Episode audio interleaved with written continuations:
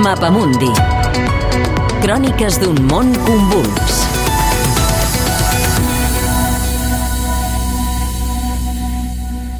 Hong Kong, la revolució dels nostres temps.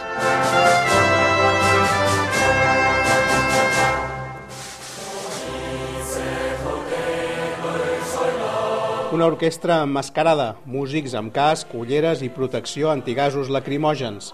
El grup ha enregistrat aquest Glòria a Hong Kong, acabat de composar i ja una mena d'himne oficiós de l'antiga colònia britànica.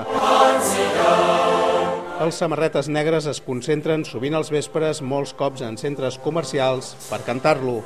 Recentment, grups de proxinesos han aparegut a les àmplies galeries dels grans magatzems per exhibir la bandera de la República Popular i cantar l'himne xinès.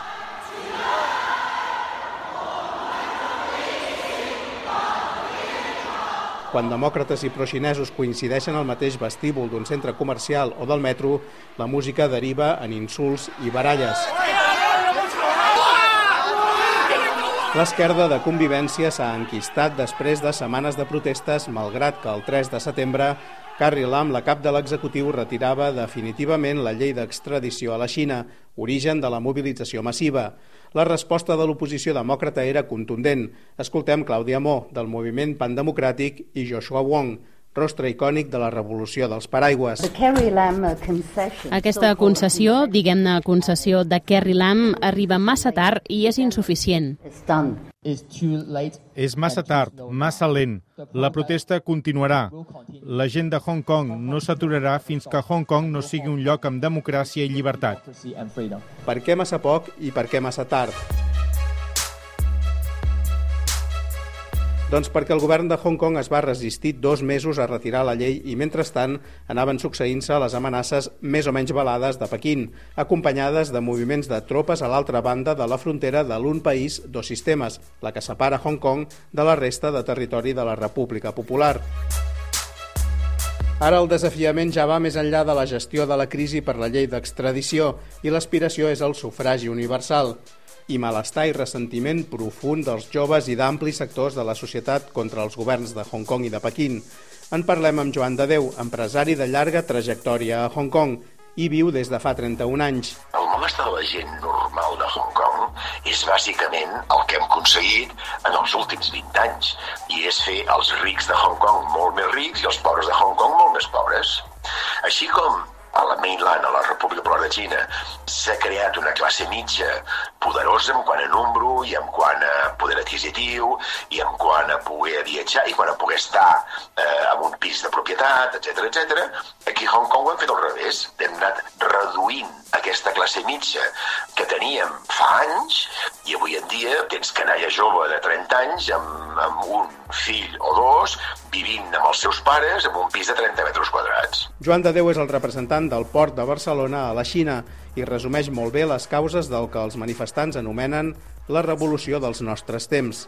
Els reptes de l'economia de Hong Kong, que ja fa anys que duren, és que hem deixat de ser el que vàrem ser. Vàrem ser la única porta d'accés a Xina, vam ser el gran port de Xina, vam ser la gran zona financera de Xina, i tot això ho hem anat perdent. Però no ho hem anat perdent perquè Hong Kong ho fes malament, sinó perquè Xina s'ha anat desenvolupant i moltes vegades amb diner de Hong Kong i no hem sapigut trobar nosaltres, els hongkonites, un posicionament o un projecte que eh, que ens torni a col·locar al món com a zona important. Aquests eren reptes que ja teníem nosaltres abans de les protestes. Ara les protestes han agreujat la conjuntura. Les reserves d'hotel han caigut un 40% a l'agost. Molts turistes venen dels altres territoris de la República Popular i a Pequín no li convé que coneguin el moviment democràtic. Modis ha rebaixat la qualificació de Hong Kong i el territori frega la recessió. Però el govern de Carrie Lam i Pequín no poden deixar caure Hong Kong. És un hub financer que connecta la Xina al món. El 70% de la inversió estrangera directa a la República Popular entra per l'excolònia. El que passi a Hong Kong determinarà el futur de Taiwan, on Pequín volia aplicar la fórmula un país, dos sistemes, i per tant també influirà en la resta de la Xina. Govern i manifestants ho saben i per això el desafiament és a llarg termini. Els samarretes negres afronten el pols seguint la filosofia del mestre de les arts marcials de Hong Kong, Bruce Lee. una protesta imaginativa i dinàmica que tan aviat envolta la seu del govern i el Parlament com reapareix a l'aeroport o en una estació de metro en un barri perifèric. Una revolta inspirada en el famós Sigues aigua, amic can meu. flow, how it can crash. Be water, my friend. És un reportatge de Francesc Canals disponible al podcast del Mapamundi.